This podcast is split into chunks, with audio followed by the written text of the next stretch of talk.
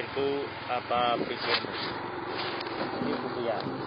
Terima kasih kepada teman-teman yang sudah mendengarkan tiga episode kita. Kali ini kita akan berbicara mengenai amarah. Mohon maaf jika suara yang terdengar cukup bagus dikarenakan saya sedang mencoba untuk merekam di kondisi luar. Terkadang kita dihadapkan dengan kondisi yang tidak dapat kita kendalikan. Kejadian demi kejadian hadir itu siap langkah hidup kita. Aku pun juga merasa demikian. Sehingga kerap emosi yang muncul mulai dari kesedihan, kekecewaan, hingga kemarahan sering muncul dan butuh bagaimana kita bisa mengendalikannya.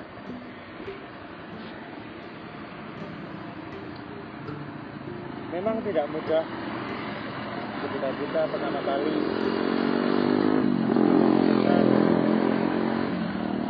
suara-suara berisik di dalam hati kita. Ya, itulah gambaran amarah. Salah satu emosi yang sering terluap tanpa terarah. Memang hadirnya amarah membantu kita dapat menuntaskan sebuah permasalahan ketika digunakan dengan cara yang bijak. Ketika terarah, kita menjadi lebih tegas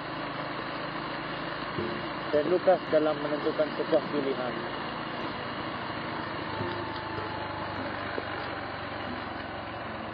Namun ada kalanya menekan amarah pun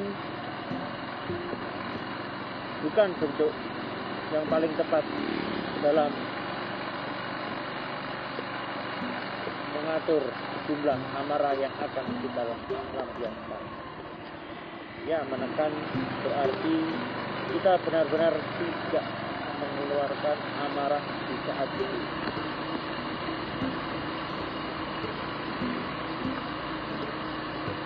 Dari video yang saya lihat, salah satu dokter spesialis jiwa, Dr. Jenny Ardian,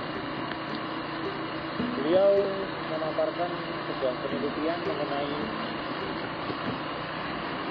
apa buruknya menekan amarah dan juga melampiaskan amarah jika tidak tepat. Itu semua akan berdampak kepada diri kita sendiri dalam berekspresi ketika menghadapi sebuah situasi yang di luar kemampuan kita. Kesusahan dalam mengekspresikan itu akhirnya menjadikan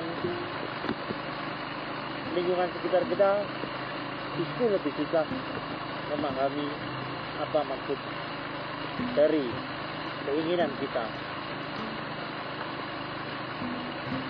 Aku pun demikian, sering menekan amarah karena aku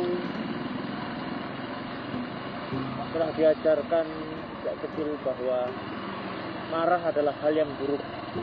Dan sejak itulah amarahku selalu aku tekan. Bahkan orang-orang sekitar selalu berkata sepertinya kau tak pernah marah. Kau selalu ketawa melihat siap keadaan. Kau terlihat bahagia dan kau terlihat dapat menerima segalanya. Tidak tidak demikian.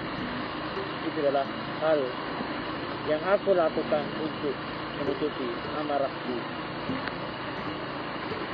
Orang menganggap itu adalah bentuk dari cara